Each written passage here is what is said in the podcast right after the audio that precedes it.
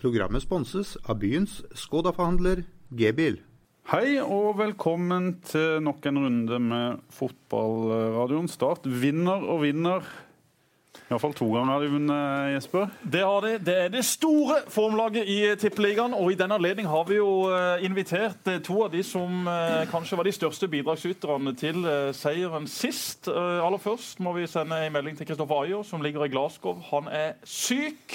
Han syns fryktelig synd på seg sjøl. Ligger i senga, sender rundt selfies til både venninner og venner for å få så masse sympati det er mulig å få tilbake. Han sitter på toalettet med bøtta ligger i senga og venter på at vi skal levere flere podkaster i verdensklasse. Vi holder på med en nå, Kristoffer. Og eh, når han hørte hvem som skulle være gjester i dag, så uh, var han jo ikke sånn uh, veldig begeistra. Han skrev følgende Den episoden må du virkelig løfte. Kan bli fryktelig tung. Erlend Segberg og Lars Jørgen Salvesen, glem Ayer. Han er der borte, han er bitter for at han er syk. Ufattelig hyggelig å ha deg her. Takk for det. Ufattelig hyggelig å være her. Salvesen, du har sagt at du har venta på den invitasjonen. Ja, jeg gleder meg til å være med her. Eh, Syns det har vært kult når andre har fått muligheten. Så prøver å være litt morsom selv. Og for et klassemål du skårte på huet. Altså perfekt teknisk utført. Hadde du vært skihopper, så hadde det vært tre ganger 20 i stil. ja, jo, det var fint, det. Men det var jo nydelig innlegg fra Jens òg, så må gi mye æren til han òg. Så må vi gi litt av æren til ja, Erlend Segberg òg, som slo en uh, fin uh, tunnel der, Erlend. Mm. Uttalte etterpå at uh, nesten like viktig å, for deg å slå tunneler som å skåre mål. Ja, det tør jeg ikke si igjen. Så det har jeg fått mye, mye tid for. Det, Ole Martin Årst var vel en av de som slakta Erlend Segberg på sosiale medier, Jesper? Gjorde han det? Når da? Ja, det, ja, jeg tror jeg fikk med meg det. Så jeg ga hva, hva, hva sa Ole Martin? Han sa det, jeg håper aldri å få høre igjen noen som heller vil slå tunneler enn å skåre. Ole Martin har nå vært fire uker på tur eh, oppover Norge, vært med på 71 grader nord, og så har han vært i Thailand i to-tre uker sammen med disse eh, vennefamiliene sine. Så at Ole Martin ikke er helt i vater ennå, det, det er han ikke. Så at Ole Martin sier det, det forteller jo litt om hvor kjedelig han var som fotballspiller. Han dunka inn mål, men mange tunneler og mye tekniske finesser for han, det var det ikke. Han var en maskin. Og jeg er totalt uenig med min gode venn fra nord.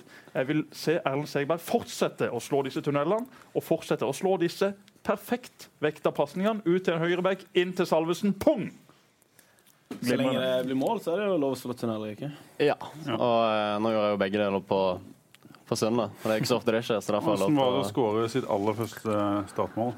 Jo, det var selvfølgelig veldig gøy. Eh, jeg er jo ikke kjent som en stor målsnik, men eh, når jeg fikk krangla den over over målstreken, så var det Jeg visste jo ikke hva jeg gjorde, egentlig. jeg tror jeg løp hen til Børresen til slutt og en finger i været og litt sånn, så det, var, det så klønete ut, men eh, Men målet var fint. Eh, smart og rolig og kaldt, eh, Lars Jørgen. Så jo ut som han har gjort dette før. Ja da. Så når han får pasninger fra meg der, så pleier han å sette dem. Så det blir spilt med kjærlighet. Ja. Dere har spilt sammen mye fra dere var, var små. Fortell litt om oppveksten. Ja, veldig mye, faktisk. Eh, vi, han spilte jo i Start, og jeg spilte jo i Vigør i begynnelsen. Og så spilte vi jo håndball på forskjellige klubber. Og så gikk jeg over til AK, da, som han spilte på i håndball. Og så fulgte han meg over i, til, til Vigør og, eh, i på fotballen, og da var det veldig lett å sam, samhandle det. Og kombinere fotball og håndball. Så, eh, Men Var det noe av grunnen til at du gikk til Vigør? Var det han karen her, eller? Uh, ja, det kan jeg jo si. Uh, og det at det var lettere å, å, At man kunne drive med begge deler da, når vi var to, sånn at man ikke ble stående alene mot, mot to lag som, som prøvde å, å, trekke det til seg. Så det, det at vi var ganske tydelige på at vi ønska å gjøre begge deler. og mm. Og... Begge trenerne våre hadde veldig forståelse for det. Både ja. håndball- og fotballtrener. Så vi trente som regel to ganger om dagen, men uh, når det ble, uh, ble, litt for mye, så sa vi det bare til den treneren, så hadde de forståelse for det. Men Hva har det betydd at dere har spilt håndball i tillegg til fotball?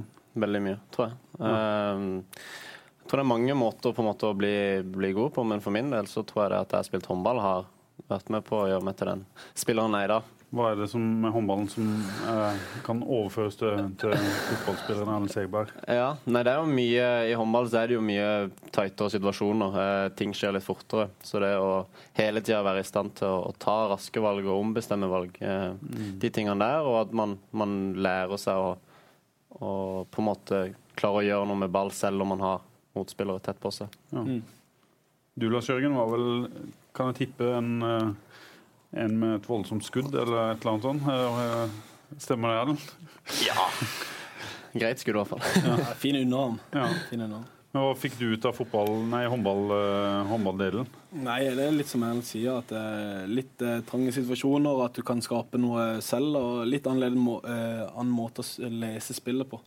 Føler jeg, det, mm, jeg føler liksom at jeg ikke hadde vært den samme spilleren i dag hvis jeg ikke hadde spilt håndball såpass lenge som jeg gjorde. da. Nei. Hva, når kom dere til et punkt der dere måtte velge? Du fikk en eh, skade, Lars Jørgen, det, vet jeg, men eh, tok du et valg før det? Jeg gikk jo topp håndball første året på videregående. Og så fikk jeg jo denne skaden, og så andre året så var det liksom Da måtte jeg velge, og da, da ble det bare naturlig at det ble fotball. Da var, hadde jeg spilt mye for eh, A-laget til Vigør, og det var interesse fra start. Og, så da, da ble det bare fotballen. Så gikk jeg over til fotball på skolen, og så, så ble det bare sånn. Det var, ble egentlig ganske naturlig etter hvert. Men det var da jeg var 14-15, så tror jeg egentlig at jeg, jeg, sa, jeg gikk rundt og sa at jeg kom til å satse håndball. Ja, Og du, Erlend? Jeg har svingt litt opp gjennom det. Jeg både satsa jo Du blir håndballspiller, du. Kan godt være. Nei, um... Nei, det kan ikke Erlend. Alle som har spilt fotball og håndball, jeg har aldri hørt om en som velger håndball hvis han er god nok i fotball. Hvis du er god nok til å spille fotball, sånn som dere, ja, så velger man selvfølgelig den feteste sporten med størst oppmerksomhet. Vanskeligst å bli god? Ja. De som ikke ble gode nok i fotball, ja, så kan man gå ned på håndballbanen. Og der har man mye mer muligheter for å bli god nok. Er det ikke for håndball, ja, så må man da videre ned på rangstigen. Sånn fungerer dette. Det er ikke alle som liker å høre det, men det er fakta. De som er gode i fotball, de sier ikke nei og begynner med andre Men det går jo an for eksempel, å bli lei av fotball. At det er grunnen til at du ikke blir god nok. blir ikke ikke lei er der, Disse to som skårer mål Ja. nå i helga, de blir jo ikke lei av fotball. Nå er de i vind. Nå skal de dominere Obos-ligaen. De skal Ikke, rykke ikke rett nå, opp igjen. men som ung, da. Var ikke du litt lei, Ellen, en periode? Eh, jo. jo. Eh, man kan si det. Overskrift. Jeg Nei, men når jeg var en eh, ja, 14-15, eh, så hadde det vært mye med både fotballen og håndballen, og på den tida så syns jeg håndballen var gøyest. Eh, Men så hadde jeg selvfølgelig håpet å, å klare å kombinere begge deler. Men så, så krevde Start uh, veldig mye tid av meg, eh, så det ble på en måte et valg. Men Var det før du gikk til Vigør, eller det var- etter du hadde kommet tilbake? Nei, det var før jeg gikk til Vigør. Ja. Mm. Så det var egentlig eh, det som gjorde at jeg, at jeg ga meg start da. Og så hadde jeg jo et opphold på et halvt år der jeg ikke spilte organisert fotball. Ja. Um, der jeg kun, kun satsa håndball. Og så litt av Lars Jørgen. Vi var jo, når han skada armen, så var vi på tur i, Brasil i sammen? Brasil sammen. Så kom vi fram til at, eh, at jeg skulle gi Vigør en sjanse. Ja. Ja. Tror det var bra for meg. Og grunnen til at det var så gøy med håndball, var at det var mye jenter. ikke sant? Så når vi var 14, så var det jo mest jenter i håndballen, men eh, etter hvert så skjønte vi at det var mest jenter i fotballen når du ble seniorspiller. da. Så da Men det Det ble, det ble aldri noe dame på deg den gangen du var i Ecuador med din gode venn Levi.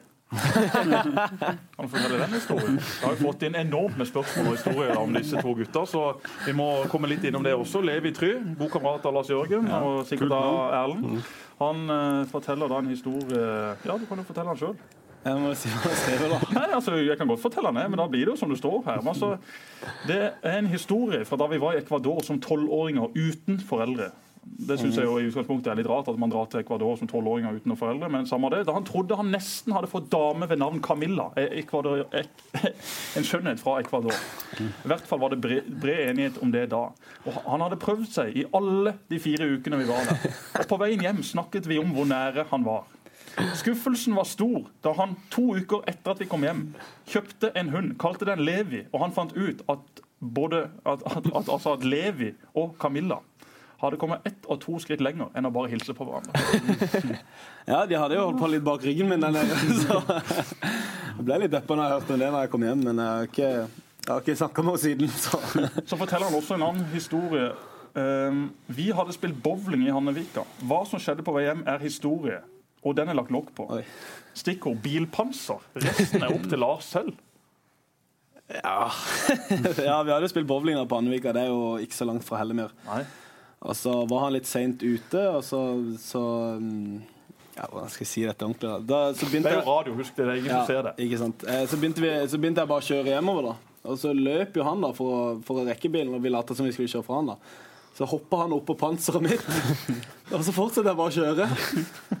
Og så, ja, så gikk det fortere og fortere. Han tviholdt fast, og vi begynte å filme. Og ja, Det endte vel egentlig med at vi kjørte helt hjem med ham på panseret. Det var jo, klokka var litt sent på kvelden, så det var ikke så mange andre biler ute. Fra Hannevika til Hellemyr med en kompis på panser. Og det var eh, en mora til ei vi kjenner som, som så dette her, og hun var lynforbanna. Fikk masse meldinger på kvelden. Uff, stakkars Levi. Har vi også fått inn mye spørsmål på vår Facebook-side Fotballradioen. For de som ikke liker den, så er det bare å gå inn og gjøre det. Bjørn Helge Foshaugen han spør hvor mye de har trent i barne- og ungdomsårene. Det har vi jo egentlig snakka om. Per Kristian Enge spør hva som er det beste minnet i starttakta. Da kan vi begynne med Segen, som er kallenavnet da til eh, vår gode gjest Erlend Segberg. Ja. Eh, ja, selvfølgelig så kommer det høyt oppe, det målet og den kampen der. Og så eh, Første kampen jeg starta i fjor, mot Haugesund, det var også, også stort. Og så kan jeg jo, siden jeg har en fortid også i Start, så har jeg jo mange gode minner derfra. Eh, jeg husker jeg var 13-14, eh, spilte plussbankcup. Eh, slo Brann 1-0 i finalen etter et innøvd frisparktrekk. Oi, oi, oi. Eh, Du tok det? Frisparket? eh, ja, jeg hadde assisten, så det, det var gøy. Lars Jørgen, beste Ja. minne? Det er egentlig ganske klart. Det er jo målet mot Sandnes Ulf. Det var andre kampen. Jeg hadde bare spilt et minutt før. og å få det målet, og det ble veldig hype rundt det. Så det blir det største. Men det har blitt noen eh, Tom Nordli på benken. sånn. ja, Sendte Tom Det er så et bilde her om dagen. Du gikk hen på benken og trøsta Tom Nordli. Mens eh, Lars Jørgen Salvesen han reiste hjem til besteforeldrene, og der hadde jo da bestemora til Lars Jørgen spådd dette målet. Jeg lagde sak om det husker jeg dagen etter. Var hjemme hos eh, besteforeldrene til Lars Jørgen, og hun er rett og slett eh, synsk. Lars Jørgen. Ja, hun tror hun har litt eh, mer evner enn vanlige folk. Så- Fortell om den historien for de som ikke kjenner den. Hun hadde skrevet noe på en lapp. Ja, sånn? ja, jeg fikk jo beskjed om at hun hadde fått da et syn om noe som kom til å skje eh, på banen. Og så sa jeg at det vil jeg ikke høre noe om, og så tar du heller fram hvis det skjer. Eh, for jeg føler at det kanskje kan bli litt ødelagt ikke sant, hvis man snakker høyt om det. og sånn. Og så var det etter dette målet, da, og så sa hun nå må du komme til oss, og så må du se her. Så hadde hun skrevet ned akkurat hva som kom til å skje, dette synet hun hadde hatt, da, og bare fortalt det til bestefar. Og så var det Så stemte nesten alt, egentlig. Det var på slutten, det var en avgjørende kamp. Oppe i høyre hjørne. Det var ja, det, fra venstre side oppe i høyre hjørne, så det var skremmende mye som stemte med dette synet. da. Så Og siden har det blitt noen uh, mål. Uh, hvor mange er det oppe i nå totalt på A-lagsnivå? Har du i Tippeligaen Ja. Det er blitt syv i Tippeligaen. Syv, ja. Og er det fire i år? Fire i år, ja. Så, Toppskårer, er han det, eller? Ja, Han må jo være det. er det ja. Så Børresen og Chidi har tre. Så det er et lite mål for meg i år å bli det. Ha det kult. Og neste år, det spør Mats Westgård om, hva er målsettinga neste år med tanke på antall mål? Han mener at du må bikke ti mål, og Ja. det er vi jo alle enige om. Er veldig Du bikker ti mål i neste, neste sesong. Ja, det skal jeg. Og eh, selvfølgelig avhengig av spilletid og alt sånt der, men eh, hvis jeg får spille relativt fast, så skal jeg være godt over ti. Noen har sett på Twitter som mener han blir toppskårer i, i førstedivisjon neste år. NRK-journalist Gunnar Grinstein, som følger Tromsø tett, så skrev vel det at uh, det er en kandidat eh, ikke til toppskårertittelen uh, neste år. Er det, er det realistisk hvis eh, det flyter for Start? Ja, det avhenger litt uh, hvilke andre lag som er der nede, kanskje. Eh, han Pontus Engblom i Sandnes Ulf skårer jo alltid mye mål. og hvis det rykker ned et av disse storlagene fra Tippeligaen nå, så blir det jo tøff konkurranse derfra. Men eh, Engblom spiller ikke i Sandnes Ulf neste år. Han blir nok eh, Han er jo gått ut av kontrakt også. ja, han han, det? han kunne gått til en eh, stor svensk klubb i sommer, men han takker faktisk nei. Ville være i Sandnes Ulf ut sesongen. Må, Da kommer han til å forsvinne. Men det er klart, Lars Jørgen, hvis han eh, er frisk neste år og spiller fast, så spiller han da på et av de beste lagene i Obos-ligaen. Han er en fantastisk avslutter, så selvfølgelig vil han være en av de største favorittene til å bli toppskårer. La oss sette noen kroner på det. Ja, vi gjør det. inn mot Og så er det eh, Lars neste Martin. Gimse.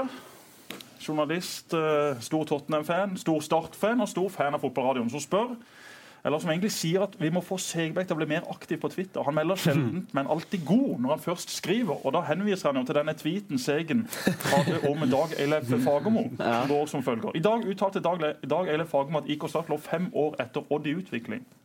I kveld banket vi juniorlaget til Odd 4-1 i cupen. Snakkes Dag. Den har jeg fått mye tyn for, faktisk. Har du det? Eh, nei, av, av Odd- folk på Odd- Twitter. Odd-folk. Og Odd-folk. Vi var, var varma opp det var en tippeligakamp og varma opp på Jeg tror det var et år etterpå.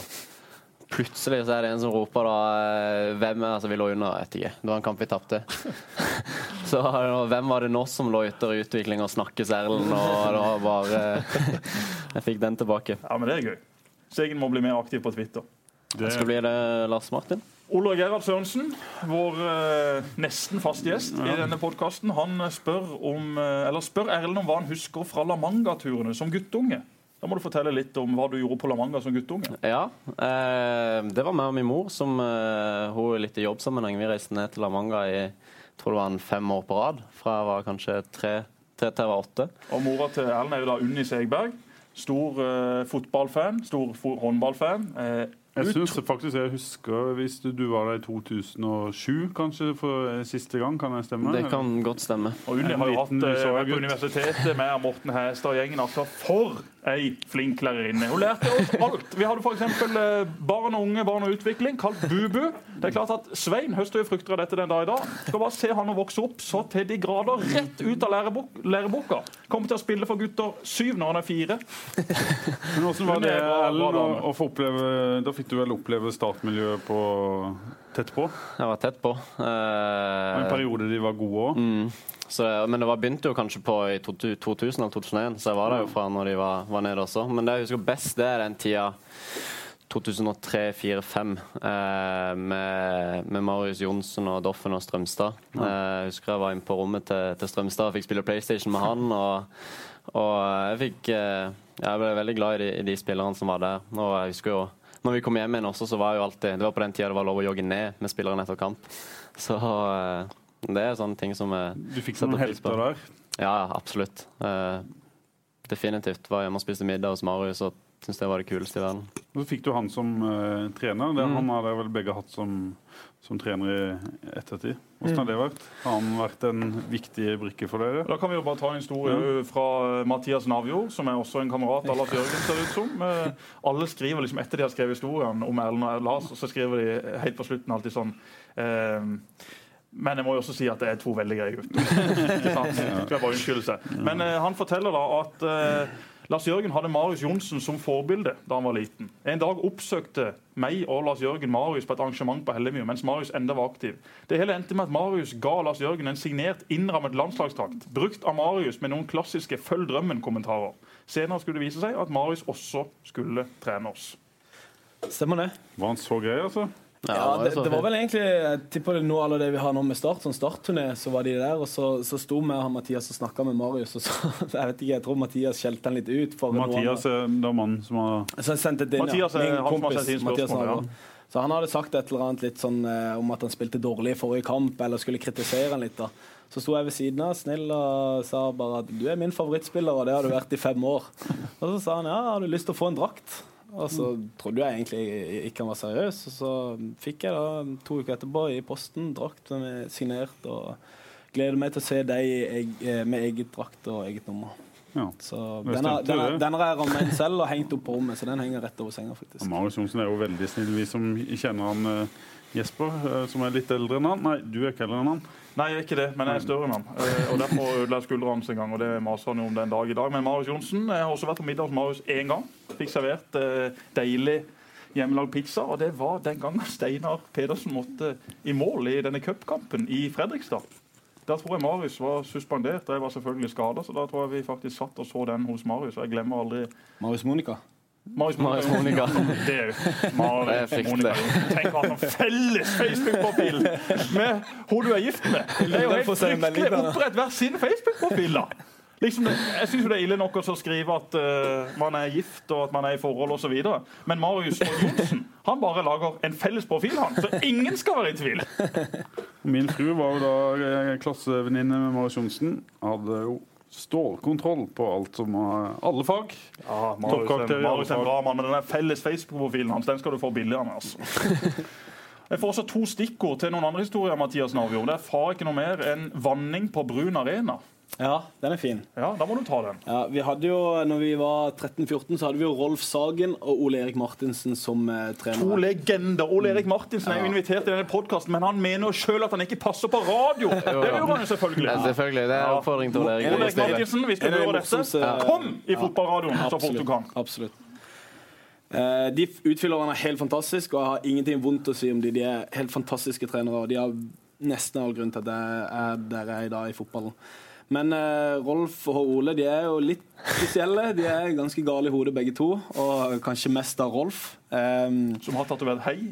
Har tatovert hei i hodet han skalla, faktisk. Ja. Så um, det tror jeg er litt Nå er han sjenert, så tar han og snur hodet til seg for å snakke med damer. Men det var i hvert fall eh, Det begynte å bli kaldt, og det ble, ble is på banen. Vi hadde ikke noen ordentlige treningsmuligheter, så det ble jo mye joggetur og gikk av og til litt ski og sånn. Så en lørdag så sa han at i morgen stiller alle klokka tolv med hver sin bøtte hver på uh, Hellemyr, eh, eller Brun Arena, da. Hellemyr kunstgress. Det var speil blankt. Og vi gikk da, hele laget, opp og ned fra garderoben. De, han sto der, fylte med varmt vann oppi bøttene. Vi gikk ned for å kaste på isen for å få vekk, få vekk isen. ikke sant? Jeg tror vi gikk i tre timer, og så hadde vi kanskje klart å få hele, hele 16-meteren rein. Spilte litt firkant. Kom dagen etterpå, speilblanke. så vi fikk en liten god økt, men eh, det var mye stress for den lille økta. Det var et godt minne og en god historie. Ja, og McDonald's i Danmark er et annet stikkord. Ja. ja. Det er jo med samme treneren her. Vi var, var tur, tur, i Danmark. Da um, Jeg husker ikke hvilken cup, LKB-cup eller et eller annet. Og da var vi i Så, så satt meg og Mathias på, han Rolf, da, til McDonald's som var rett i nærheten. for Jeg tror han skulle kjøpe noe mat eller noe. Vi hadde egentlig bare kasta oss inn i bilen, for han ville egentlig ikke ha oss med. Så sto vi ved siden av han i køen, og han sa kan jeg ikke pelle dere hjem, egentlig. For det, det, det har ikke noe her å gjøre. Kan du være så snill å kjøpe en uh, milkshake til oss, sa vi. Og så endte det opp med at han kjøpte en smoothie som var dritekkel. Som var dobbelt så dyr som den milkshaken vi spurte om. Bare for å ikke gi oss noe vi ville ha. det er dårlig gjort.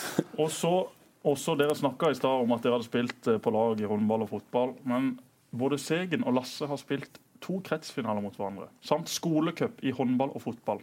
Hvem har gått vinnende ut av samtlige konkurranser? Uh, skolecup. Og kretsfinaler. Mm. Det er nok meg. Det... Så jeg bare later som han ikke skjønte hva Er Du du Lars Jørgen som har sendt inn det spørsmålet? Nei, var, var Nei, Mathias det òg, eller? Det var Mathias. Ja, ja, det, ja. det, jo, det stemmer det. Og han har vært med på de fleste selv òg. Ja, han så, du har noen legendariske lagkamerater. Ja, det er sant. Vunnet du har, du har altså høvla Segberg hver eneste gang dere har møttes i viktige oppgjør? Vunnet skolecupen på ungdomsskolen i fotball to år. I håndball ett år. Og to kretsmesterskap har vi.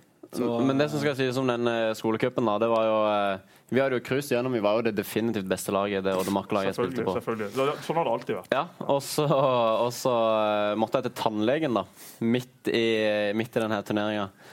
Eh, og så var det noen forsinkelser og noe sånt som det alltid er hos tannlegen. Kommer jeg, og det er fem minutter igjen av kampen, av 20 kanskje, ja. og vi ligger under med tre. Tre-fire. Blir jeg kasta inn i det. Ja, jeg var jo ikke varm en plass. Kasta inn i det. Får vi siste minutt, så blir det utligna. 15-15 eller noe sånt. Ja.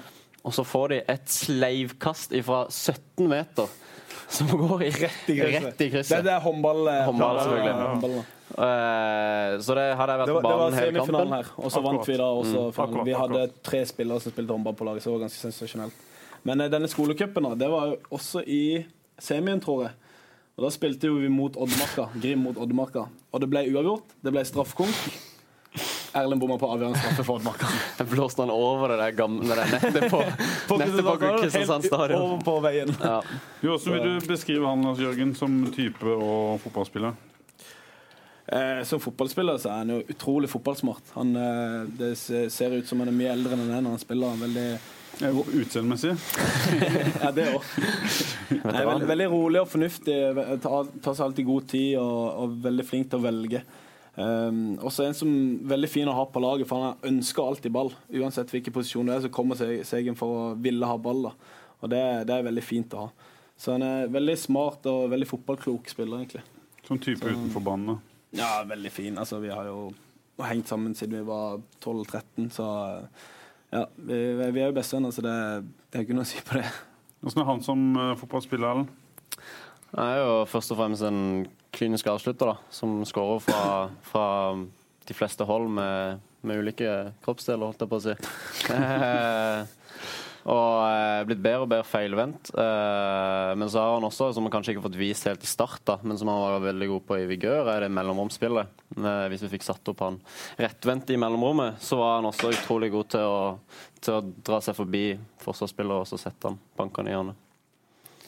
Men vi har jo sett litt av det nå i høst, i en annen posisjon. Du har blitt brukt litt som indreløper ja. i, i 4-3-3. Nå har jeg gått litt bort fra det ene og spiller 4-4-2, men er det mm. en posisjon du ser deg sjøl i, eller er det spiss du vil være? Det er vel egentlig den trives best i. altså den, En slags sånn hengende spiss, litt mer mellomhåndstype. Ja. Får litt uh, enklere å komme i andre bølgen i forhold til innlegg og sånne ting. Litt mer fri, istedenfor å stå stange mot to stoppere. Så um, Nei, det er, det er, jo de tre posisjonene jeg kan bekle, da. Så litt avhengig av hva vi spiller, men uh... Kan vi se en midtbanetrio med Segberg i midten, uh, der som venstre innløper og Sernikov som høyre indreløper neste år? En uh, real uh, vigør-trio? Er det, er det en, noe dere har snakka om? Nei, vi har, vi har ikke snakka så mye om det, men det, men det er jo realistisk. Det er, sånn, ja, det er realistisk, så det, det, kan jo skje. Men i utgangspunktet så spiller vi jo 4-4-2, og det er ja. det vi skal trene på inn mot neste år. Hvordan er det å få Thomas òg inn i, i gruppa? En, en, mann som han er kanskje ett år eldre mm. enn dere, men enn dere har spilt mye med. Mm.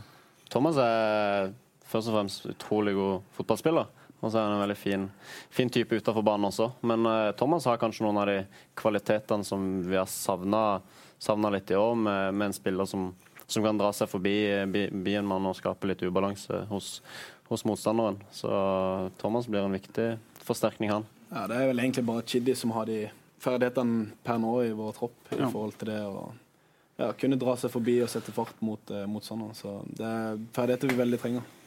Vi må ha litt rutine òg, Jesper, må ikke det? Jo da, det må man. Og så får man se hva som uh, eventuelt blir eh, henta inn, og hvem som tar steg i løpet av vinteren. Det er klart det er en ny divisjon. Det kommer til å være et lag som kommer til å føre mye kamper. kommer til å være et lag som begynner å vinne kamper. Hvem blir konkurrentene, sånn eh, du ser det i første divisjon neste år, hvis vi skal eh, se litt eh, fremover? Hvis vi tar høyde for at ingen av de lagene som ligger nå på kvalik kommer til å rykke opp, så tror jeg jo Jerv kommer til å være og vi kjemper der oppe i neste år også. Sandnes Ulf har uh, kanskje den beste stallen i årets Obos-liga, men ikke fått det til.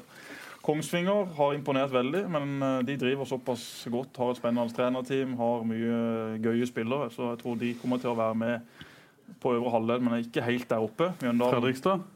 Fredrikstad ja. De har jo eh, de historie har og De har det. Eh, det åpna veldig, veldig, godt med Mons, og så har det dabba litt av i det siste. Men det er klart det er også en spillergruppe som har slitt mye i motgang denne sesongen. og de får en uh, ny start, inn et, ny, inn et, par nye spillere til neste sesong, så har jo de ressurser og tradisjon og ikke minst uh, en, en, trener som vet hva dette dreier seg om, hvis Monster blir videre. Det må vi jo nesten tro at han blir, hvis han klarer å, å holde det. Så til neste år blir det veldig åpent. Det bli... Arendal de eh, regner vi ikke med i Det kommer jo an på hva de gjør i løpet av vinteren. men det er klart det mannskapet de har nå, er jo ikke i nærheten av å kunne hevde seg i toppen av Obos-ligaen. Men at de kan eh, klare å holde seg neste sesong med det laget de har nå, det, det tror jeg også på. Men de kommer garantert til å hente inn gode spillere og erfarne spillere i et par posisjoner. og Det trengs.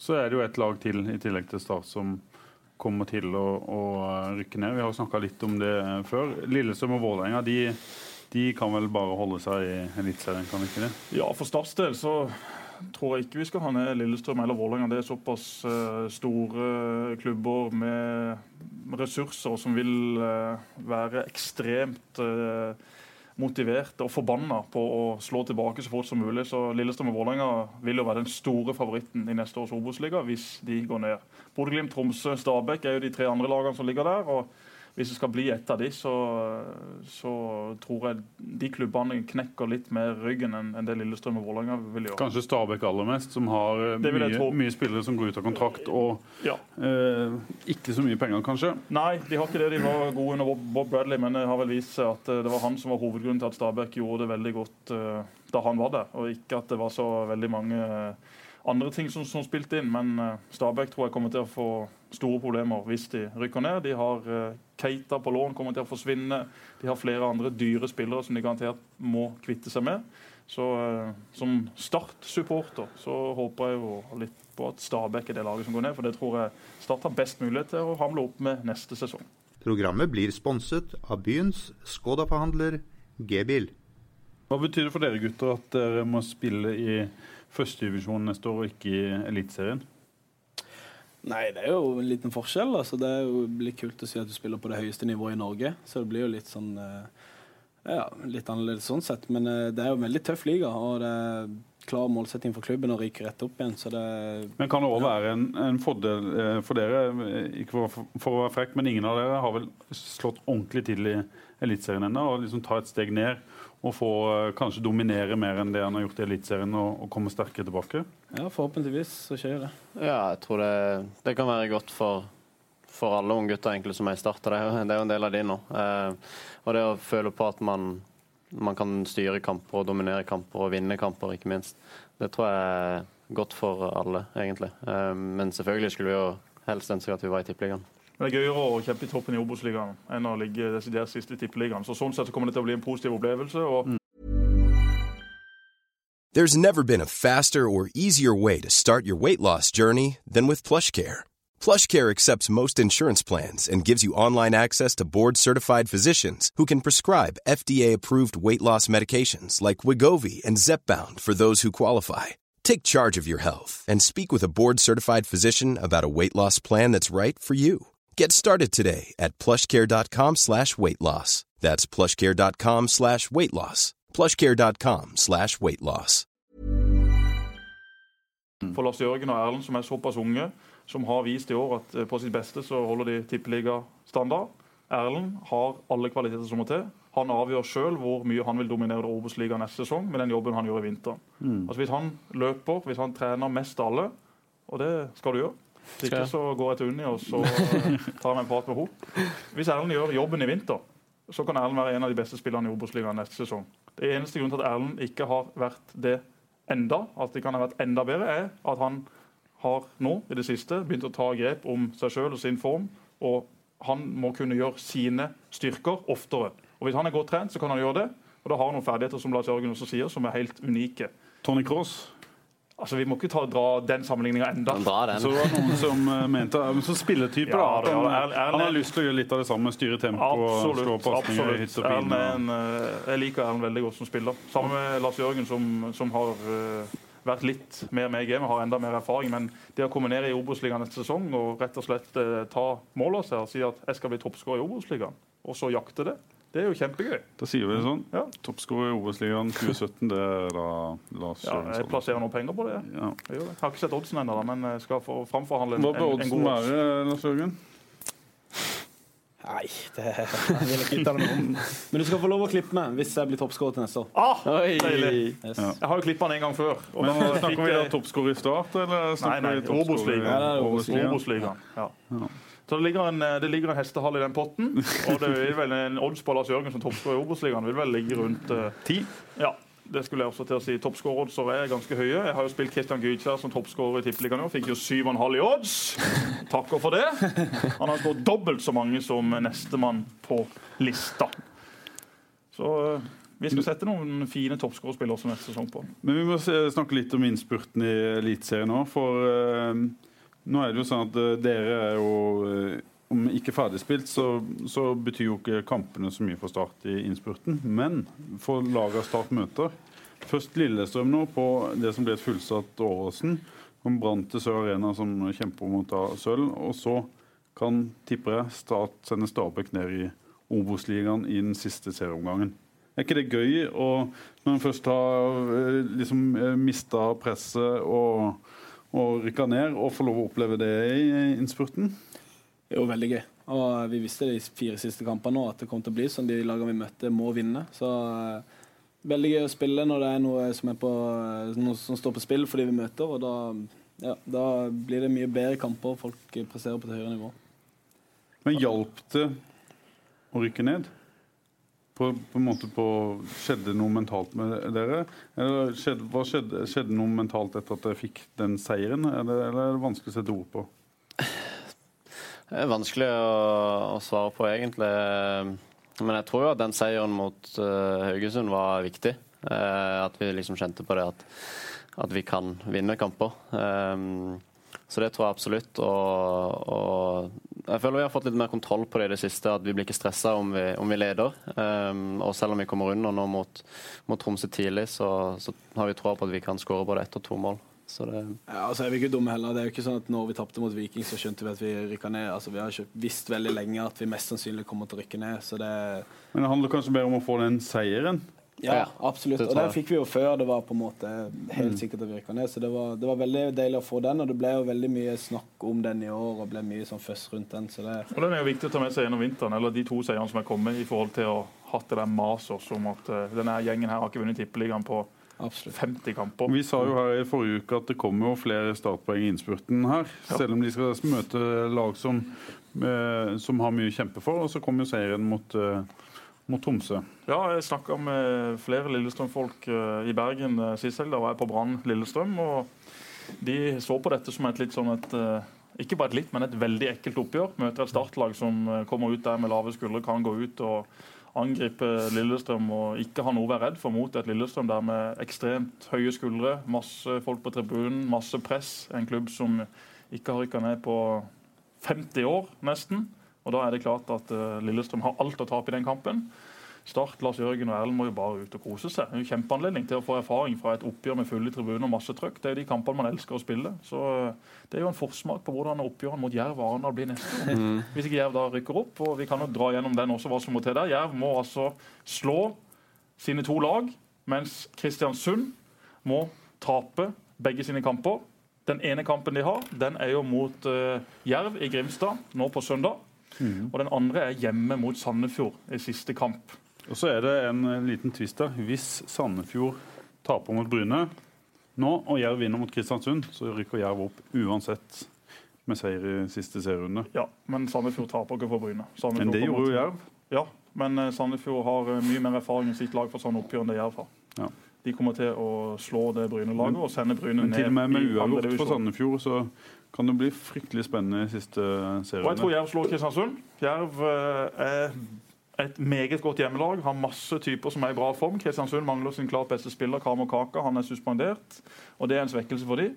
Så mm. at Jerv kommer til å slå Kristiansund der, la oss håpe det. Og la oss håpe det blir komplett kaos i siste serierunde. Det var dramatisk nok i fjor for Jerv sin del, da de redda Fredrikstad. Glenn Andersen som på et eller annet merkelig vis klarte å slå inn eh, det målet med, med hode eller skulder eller hva det var i fjor. Og jeg satt og fulgte denne kampen eh, på mobilen eh, når Jerv da møtte KFUM borte, og da så jeg Glenn Andersen skårte igjen. Og rett før Glenn Andersen skåra, så så jeg at Jerv hadde fått frispark. Så jeg begynte å lure på har Glenn Andersen igjen lurt inn et frispark.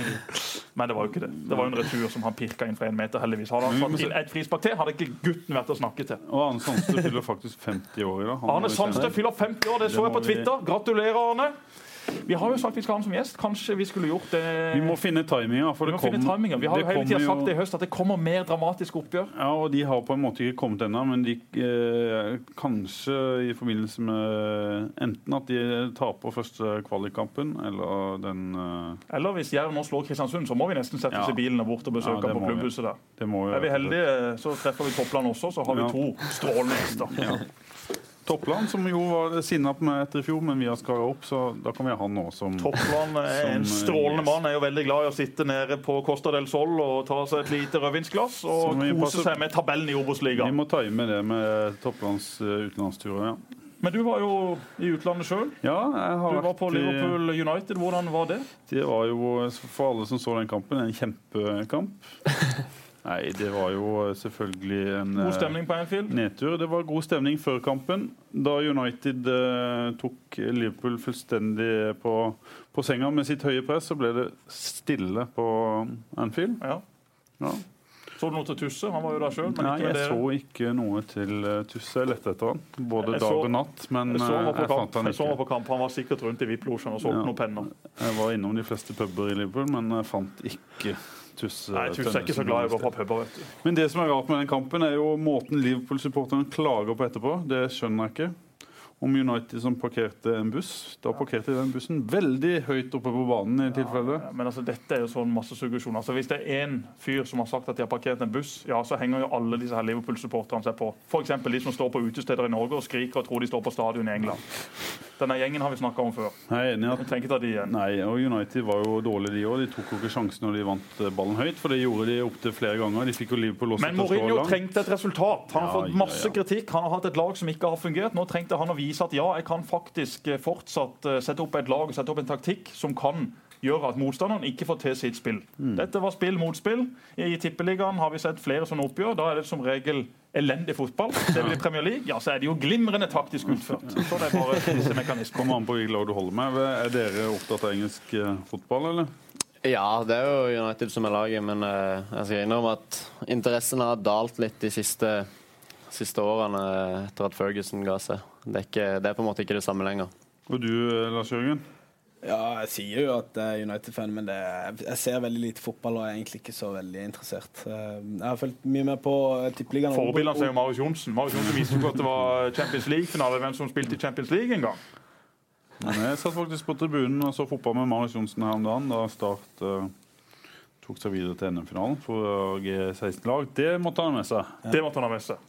Men har dere noen kontakt med Rasmussen og Ayer, som har reist til det store utland? Har dere hørt noe fra dem i det siste? Lite. Jeg fikk melding av Ayer, veldig hyggelig. Gratulerte med skåring nå etter kampen nå. Så snakka litt med de før det, men det er jo sånn det blir når eh, lag kommer til å reise. Det er kjedelig når de reiste. Ja. Savner du de? Både på og utenfor banen? Men helt ærlig, gutter, hva tenker dere? Nå sitter jo begge to eh, langt opp på tribunen og lager spiller kamp. Både Celtic, selvfølgelig som er en mye større klubb enn enn eh, Nordsjælland, men ingen av de får spille. Burde de blitt lenger i start? Jeg tror sånne ting er umulig å svare på, egentlig. Det er aldri lett å vite når, eh, når det er riktig timing å dra ut. og de har vært der i et par måneder, tre måneder eller hva det er. Så det, de har god tid på seg. Så jeg har veldig tro, stor tro på at både, både Ayer og Mathias kommer til å slå gjennom i de klubbene de er i nå og få en fin karriere. Ja, Kristoffer sier jo at han eh, trives godt. Han Han har jo sjøl sett at han er et stykke under laget, men er jo veldig fornøyd med å ha lagt på seg fem kilo muskler, ja. sier han. Spiller han er jo faktisk oppe i samme vektklasse som eh, Frank Mersland, som går ut forbi studio her, som viser fram en eh, Brun mage. Som, eh, ja, brun, da. Han var brun og rund. Brun og rund mage. Neida, men eh, de må få tid på seg. og Det viktigste er at de utvikler seg som fotballspillere. og Så kan det ikke gå for lang tid før man uh, får sjansen på et A-lag. Men er det mest kritisk for Kristoffer, kanskje, som, som, jo er en uh, som har vært regnet som et kjempestort talent, fylt 18 år. og og burde jo kanskje hatt spilt i Skottland for å, å ta nye. Ja, men Derfor tror jeg også at Celtic har en plan med, med han, og at de vil leie han ut nå i, i, januar. Det er jeg ganske sikker på, enten til en mm. annen skotsk klubb eller en klubb i, i lavere divisjoner i England. Og Da vil han få spilletid, og han har uh, fått en uh, ny treningshverdag. Uh, tre, sikkert trent mer, sikkert trent tøffere, sikkert kjent at han trenger et par kilo ekstra med muskler. For det var jo, det var jo et fuglebryst som reiste over til Skottland. Det var jo ikke veldig mye på den brystkassa, selv om han trodde det sjøl. Det var ikke noe problem. Han har alltid trent mye, da? Har han ikke det? Er veldig flink til å trene, og det er jo derfor han har kommet så langt i så tidlig alder. Og så er det viktig å huske på det at eh, jeg tror gjennomsnittsalderen for å slå gjennom i Tippeligaen er på rundt 23 år, og mm. Ayer er 18 og Rasmussen er 19, så det, mm. det er ikke så hastverk. Det, vi må være tålmodige, og jeg tror begge de kommer få, til å få flotte karrierer, begge to. Og I verste fall så får de bare komme hjem igjen, da. Sørlandet. Start står alltid med åpne armer, selv om eh, kanskje ikke økonomien alltid er der han eh, kanskje burde vært for at de skulle blitt henta hjem. Men eh, vi får nå se i fremtida. Jeg tror, som Lars Jørgen sier, at de kommer til å få flotte karrierer, og at dette bare er ei lita fartsdump på veien mot det målet de skal til. Men det du sier, Lars Jørgen, om tålmodighet og sånn, dere to er jo er 20 begge to? 19. 19 ja. Er det noe som du har følt på? At folk har kanskje litt eh, for høye forventninger til deg som spiller i forhold til alder? At du trenger mer tid? Det blir veldig sånn der, Hvis du spiller bra og folk får litt eh, øynene opp for deg, så vil de veldig at du skal prestere. og så da Hvis du ikke helt eh, presterer kanskje så godt som folk ønsker, så tenker gjerne folk litt på at ja, de er unge, vi må gi dem tid og sånn. Ja. Så det, det, er litt Men er det sånn noen som naturlig, har, Får du følelsen at noen av og til tenker at Eh, hvis du gjør noen dårlige kamper at eh, nei, det her, det her er ikke spiller, han, han, blir ikke god? Det tenker ikke jeg så mye på. i hvert fall. Altså, det er litt som, eh, Du må være tålmodig, men samtidig så må du være utålmodig. Altså, for min egen del så har jeg lyst til å være fast på start. Jeg hadde lyst til å spille hver kamp, jeg har lyst til å spille hele kampene. Jeg har lyst til å spille uansett hvordan kampsituasjonen ser ut. Og så skjønner jeg også at det er noen situasjoner der det heller er bruk for andre. Så jeg, Du må være utålmodig, men, eh, men, samtidig så må du være tålmodig oppi det hele. Og for min egen del så, så, vet jeg at jeg ennå er ung og har mange ord på å utvikle meg. og ja, Etter jeg kom til Start i, for tre år siden, så føler jeg jeg har utvikla meg enormt som fotballspiller. Så hvis den utviklinga kan fortsette i tre år til, så tror jeg det kan bli veldig bra. Men hvordan jobber du for å ta de små trappetrinnene som vi jo har sett at du, du tar? Nei, Jeg jobber jo veldig målbevisst mot det. Eh, jeg skriver delmål, jeg skriver lengre mål. Og eh, om det er jeg skal, hvordan jeg skal prestere sånn rent på en måte statistikk eh, og sånne ting, eller om det er hva nøyaktig jeg skal jobbe med. Jeg jobber veldig mye med hurtighet og, og kvikkhet og omstillinger nå de siste to årene. Jeg føler jeg har utvikla meg veldig på de områdene, egentlig. Så, har du noen målinger på hvor mye raskere du har blitt, eller, hva, eller er det mer en, en følelse at du henger bedre med? og ja, en følelse at jeg henger bedre med, og at jeg har trent det, det fast Eller eh, ja, trent et par ganger i uka eh, gjennom to år, så, så, blir man raskere. Jeg har ikke akkurat noe tall på det, sånn nøyaktig. Men det handler jo mye om å være på eh, i hodet òg, spesielt det der med hurtighet. Eh? Leser du pasninga et halvt sekund før, så har du et halvt sekund forsprang og, og sånne ting. Så uh, det er mye på å være våken og oppmerksom og da reagere raskt når ting skjer. Så. For du, du, er alltid en som har brukt hurtigheten på en måte i yngre alder. og Som Erlend sa, en som har driv og kommer bakfra og kan bruke fart. Ja, jeg har aldri vært sånn spesielt rask. Altså, jeg har ikke, jeg har ikke, ingen har jo sett meg og sagt oi, han er, han er rask, men, eh, men Jeg så det på Start 2 her. Eh, jeg, sa vel, jeg satt og så på Start 2, og da var jo du mot MK. Mm. Da så jeg jo at eh, oi, det har skjedd noe her ja. de, siste, de siste par åra. Men hvorfor forsvarer siden 2003? Ja, ja, ja, ja. men det, det var, det var tredjedivisjon, men han så ut som ja, Lars Jørgen har, tatt, han, har, han har blitt raskere, han har blitt sterkere, mer, eh, mer kompakt og mer ferdig som fotballspiller. Det er jo en del av utviklingen. Begge disse jobber målretta både på fotballbanen og i styrkerommet. Og så skal Segen òg jobbe som faen i Jegersberg i hele vinter, sånn at han kan være en av Obos-ligaens beste midtbanespillere nesten sesong. Jeg inviterer dere begge til å bli med i Jegers i vinter. Ja, altså, jeg er mye bedre kjent enn deg, Jegers. Og jeg og Jørgen, vi kan gjerne ta det Jeg er jo ofte i Jegers. Jeg bor jo nesten i Jegers. Da setter vi opp ei løpegruppe. Da setter vi opp ei løpegruppe. Skulle vi hatt en sånn podkast fra Jegers mens vi jogger? Da holder vi, da holder vi tempoet på et lavt nivå. Mons Ivar var jo en han var, altså, Mons Ivar så ikke ut som han var noen maskin. Men gud, han kunne løpe og prate samtidig. Altså, Han dampa av gårde i Jegers. Han har møtt på jogge, joggetur i Jegers flere ganger. Skulle du løpe 60 minutter med han, du ble mer sliten av å prate enn å løpe. Han løp i et godt tempo, men han var ekstremt flink til å prate mens han løpte. Altså, det er jo det eneste stedet jeg holder kjeft. Det er når pulsen min bikker 150-60 på løpetur. Mm. Det er det eneste gangen. Og Mons, han snakka og snakka. Jeg var på løpetur med han og Rune Jacobsen en gang. Jeg hadde øresus i ei uke etterpå. Jesper, åssen er kneet? Kneet er fint, det. Det henger på. og Jeg driver og jogger både i Jegers og på mølla. Så, uh, Men hvor nærme er vi et comeback?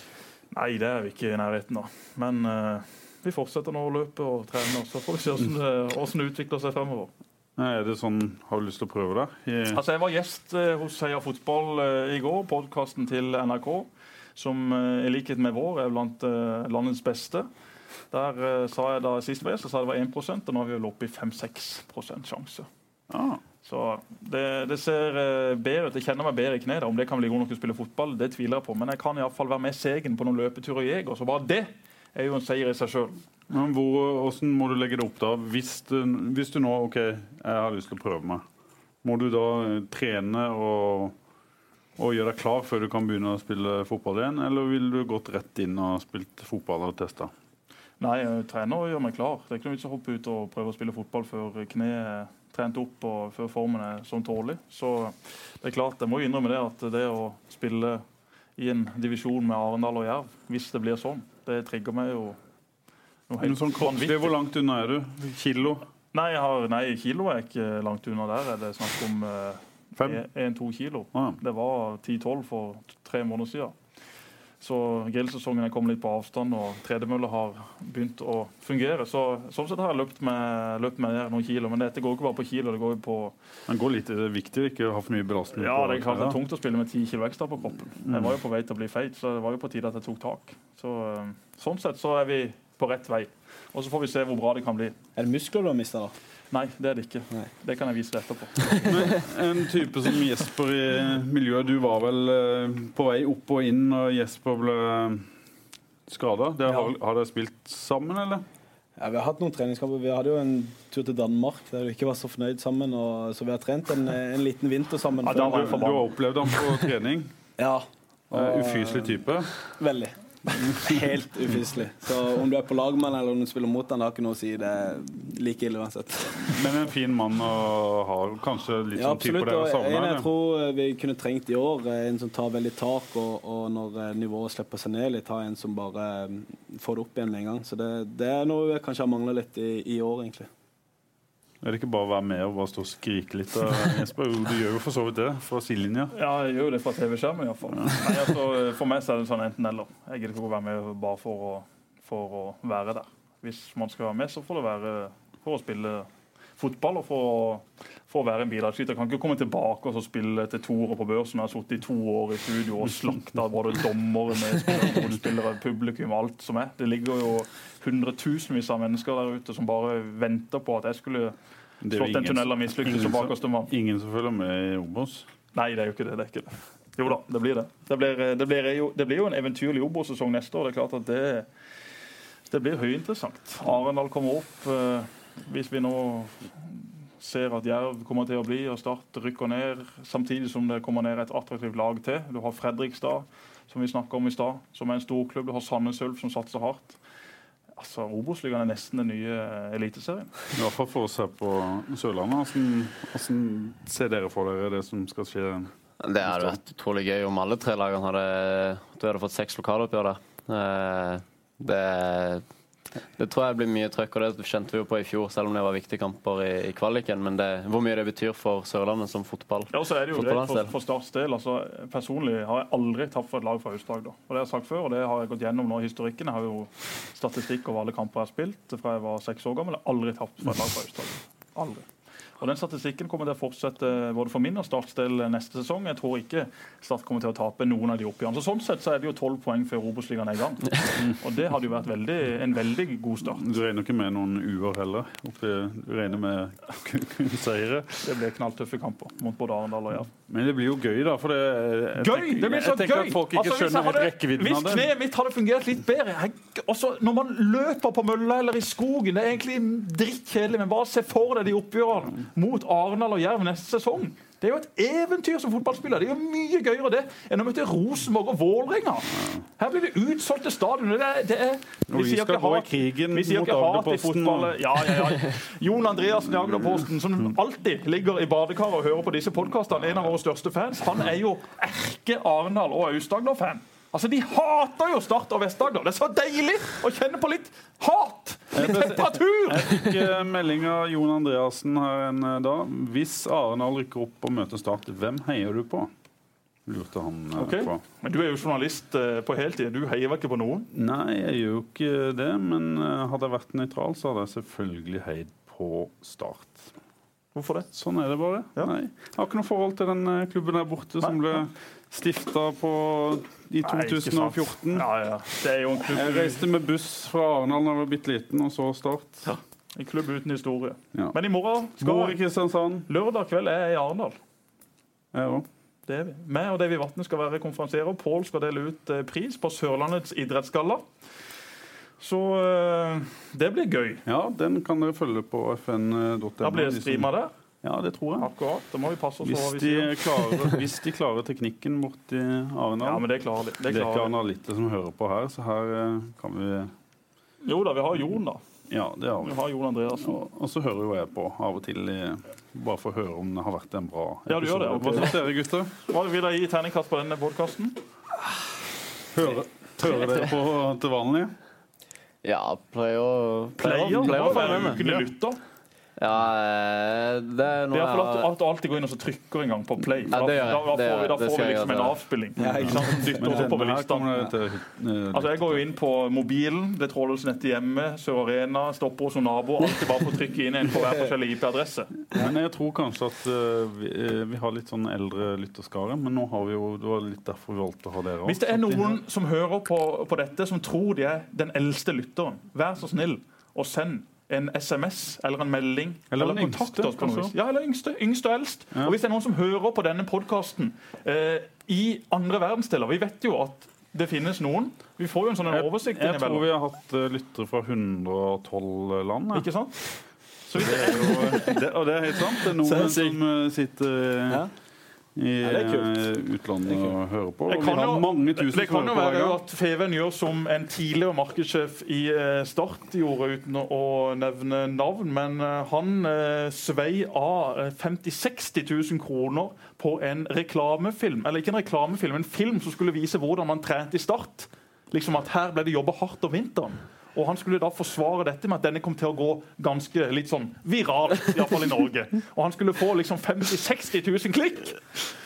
Og dagene gikk, og etter første dagen så var det vel 370 klikk. Og etter dag to så Det var var det derfor oppe i ringte oss ville 650. vise den på Feven. Ja, ja, ja. Og etter tre dager så var det sånn kanskje bikka 1000. Ikke sant? Han, han her ble jo stressa og han begynte å svette. Og så var dette kommer jo aldri til å gå. Og plutselig, jeg husker vi var på La Manga, så husker jeg vi våkna til dag fire. Da var det altså gått fra 1100 trykk, eller klipp, til Klikk heter det ikke klipp. 1100 klikk, og så var det plutselig 60 000 klikk! Og så kom det ut mail fra denne markedssjefen. We did it! Vi fikk 60 000 klikk på dette YouTube-prosjektet mitt, som jeg svei av masse penger på, som vi ikke har, som vi skulle heller brukt på andre mye viktigere ting. Men han da forsvarte seg med det, og vi kom hjem. Så har jo Roy Emanuelsen Han har jo også tilgang til denne eh, YouTube-portalen som dette ble lagt ut fra. Og han kan jo da sjekke hvor klikkene kommer fra. Så han gikk inn. 58 000 klikk fra Filippinene! Filippinenes 58 000 klikk! Som var kjøpt og betalt av en sånn en luring på nettet. Som da bare sikkert har en haug av roboter som bare satt og dunka løs med klikk. Så gikk 50 000-60 000 der òg. Ja, det gikk 50 000-60 000 der. Og dette er jo sånn mange holder på med. Mange på Instagram for eksempel, som har plutselig en haug av følgere. Og Ingen som vet hvem de er, men de tror selv de er dødspopulære. For de har brukt 15 dollar på å kjøpe seg 30 000 likes. Sånn driver ikke vi med. Få det bort. Ja, det er noe vas, altså. Men det, det, det er en sann historie. Og en annen sann historie er at eh, Mathisen, Oppdal og Emanuelsen skal til Uganda i november. Der har jo du vært før, Pål. Dette Ja. prosjektet til Start. hvor de har Det har bygd... du òg vært. Var Ja, ja. og Lars Jørgen var jo der i fjor. Apropos det. Mbale. Leverte jo altså noen videoklipp som Hvis, hvis han mener denne podkasten er terningkast tre, så var de videoklippene han leverte, langt ned på minussida. Altså, det var han, det var Rasmussen, og det var Jon Olav Norheim. Altså, Det var helt katastrofalt! Det var så dårlig. Det var ingen gnist. Nå driver jeg og spytter ut. Det var ingen gnist. Det var liksom Vi sto ute i Dyreparken der og skulle spille inn i kalender. Skulle liksom ha Og du ville, du ville ha klipp fra Uganda? Ja, vi ville ha klipp fra Uganda for å liksom dra det inn i kalenderen. ikke sant? Men det som ble tilsendt, altså, det var under enhver kritikk. Så Lars Jørgen har tatt steg på banen, og ikke minst utenfor banen siste året, heldigvis. Mathias Rasmussen hadde noen, hadde noen spørsmål. Altså, det var helt katastrofe. Jeg håper den mannen aldri blir intervjua i Danmark. Kommer til å få så ørene flagrer. Har du Arne Simonsen bak kamera òg der? Arne Simonsen, Det ikke sant? det var one take. Var det, ja, det går fint. det. Vi bare, vi bare Alt, sender alt det i der. julekalenderen er på one take. Men at ikke Arne Simonsen var mer kritisk enn det der ja. Jeg skal love deg at eh, det blir en helt annen kvalitet på det vi skal gjøre i Uganda i år. For vi kommer til å spille inn mange episoder til Norges lengstlevende julekalender noensinne. Og jeg gleder meg veldig til å reise ned. Aldri vært der. Blitt spurt en del år, men nå har det aldri passa. Så Trine er jo Nå får han et nytt perspektiv på livet sitt, eh, Lars Jørgen. Og er det én som trenger det, så er det jo eh, Jesper. Er det ikke det? Jo, absolutt. Det er en helt fantastisk tur. Det er en Roy sa Jesper trenger det mer enn Håkon. Og Trine har jo sagt i hele år at, eh, at jeg har reist altfor mye. Og eh, Bare i Norge, det, er det ikke det? det er bare i Norge. Det er ikke det som utenlands. Så jeg fikk slått den gjennom på hjemmebane. Så jeg skal til Uganda. og Det blir Du kommer igjen som et bedre menneske, Jesper. I Ja, hvert fall i det noen uker, så glemmer du det igjen. Det er jo det som er Ja, litt synd. glemmer, glemmer ganske fort. Nei, men det blir, det blir jo interessant å se. Nå er jo det prosjektet snart sånn ferdig fra Starts side. Så skal vel Start finne et nytt eh, område, et nytt land de skal ta, ta hånd om. Så eh, Et nytt land de skal ta hånd om. ja, så det finnes jo noen land som er, som er små nok. Filippinene, for eksempel. Der har vi hatt gode kontakter fra før. Men vi må avslutte, for hvis ikke så får vi klager over at episoden er for lang, og at de ikke kan lastes ned. okay, og det ok. ene med det andre. Jeg ser din Så parkering utløper om ti minutter. den er ikke min. Hæ? Nei, Nei, det er min. Din? Ja, min, min. Ja. Ja, du har jo sikkert friparkering. her, du. Jeg har uh, friparkering i hele Kristiansand resten av livet. ja. Jeg vant i et eh, lotteri en eh, Gjorde du det? gang. Nei, Yes. det gjorde jeg ikke. Nei. Du, Skal vi tippe resultatet på søndag? Tør dere det? 1-2. 1-1. Eh, 3-3. Ja, jeg tror Lillestrøm vinner greit. 3-0. 3-0. Ja. Skal vi sørge for at det ikke skjer? ja, det er Ikke sant? bra. sant? Eh, bare en sånn siste. Det var bare Ja. en eh, historie fra Magnus Øye. Eh, Ok, greit. Oi, sier du. Ja, greit. Ja. Er det skummelt, eller? Året var 2015 og datoen 17. mai. En ivrig Lars Jørgen Salvesen hentet russebilen på Odderøya for å kjøre den. Og en av de få som respekterte begrepet våkenatt til champagnefrokost. En frisk opplagt Salvesen valgte selvfølgelig å slå ut håret ettersom at Monsemann ga han tillatelse til å gå med russen i borgertoget. Fortsatt en av Mjeldes dårligste beslutninger. Allerede 13.00 ble Salvesen observert med krampetrekninger i magen like bak en busk ved Snadderkiosken. På seg hadde han russedress. Parentes, kun russedress. Og de mørkeste solbrillene man kan finne. Lurer på om Salvesen kan utdype hvorfor han fikk slik magesjø på selveste 17. mai. Var det for mye av Henning Olsen-is eller Frivold som var skyldig? Med vennlig hilsen Magnus. Jeg vet ikke om jeg skal kommentere på det tullet der, men uh, vi hadde, vi hadde, for mye is eller for jeg, mye tror, jeg, tror, jeg tror vi hadde spilt kamp dagen før mot uh, Viking. Og Ja. Vi kom seint hjem, og det var jo russefeiring dagen etter, uh, 17. mai. Hadde ikke vært med noen ting på hele russetida, så um, Tok litt for mye for hardt igjen. Du tok alt på en dag. Ja. ja, du kan vel si det sånn. Ja, ja, ja. Ja. Så det, var- det var den russedagen jeg hadde i mitt russeliv. Så, Ingen fare. ingen fare. Lasse. Da har du én mer russedag med. ja. Det var det. Yes, da sier vi takk Utrolig for- hyggelig å ha Lars Jørgen Ellen på besøk. Utrolig hyggelig å være Bayer, Kristoffer ja. Ayer, som var kritisk på forhånd for han bare ligger der borte med den spybøtta si i Skottland. Ja, vi har jo en avtale med Kristoffer også, at vi skal til Glasgow og spille inn en eh, fotballradio. Men da det. må vi over i januar, tror jeg, sånn at vi får nytt eh, budsjett i er Absolutt. Vi må svi av det på den første turen. Vi venter det. Det må vi. Og Hvis ikke så får vi jo se om han kanskje er hjemme i eh, desember en tur. Det kan være. Han skal vel hjem og se noe topphåndball. Han skal vel hjem og se noe topphåndball, vet du. Karoline Olsen, hans kjæledegge. Det vakreste paret som noensinne har eh, vært observert på Kristiansand uh, katedralskole Gimle. Blir jo bare kalt for Barbie og Ken. Det skjønner vi godt. Kristoffer, god bedring! Takk for at dere kom. Takk for oss. Programmet sponses av byens Skoda-forhandler G-bil. Programmet blir sponset av byens Skoda-forhandler G-bil. Programmet ble sponset av byens Skoda-forhandler G-bil.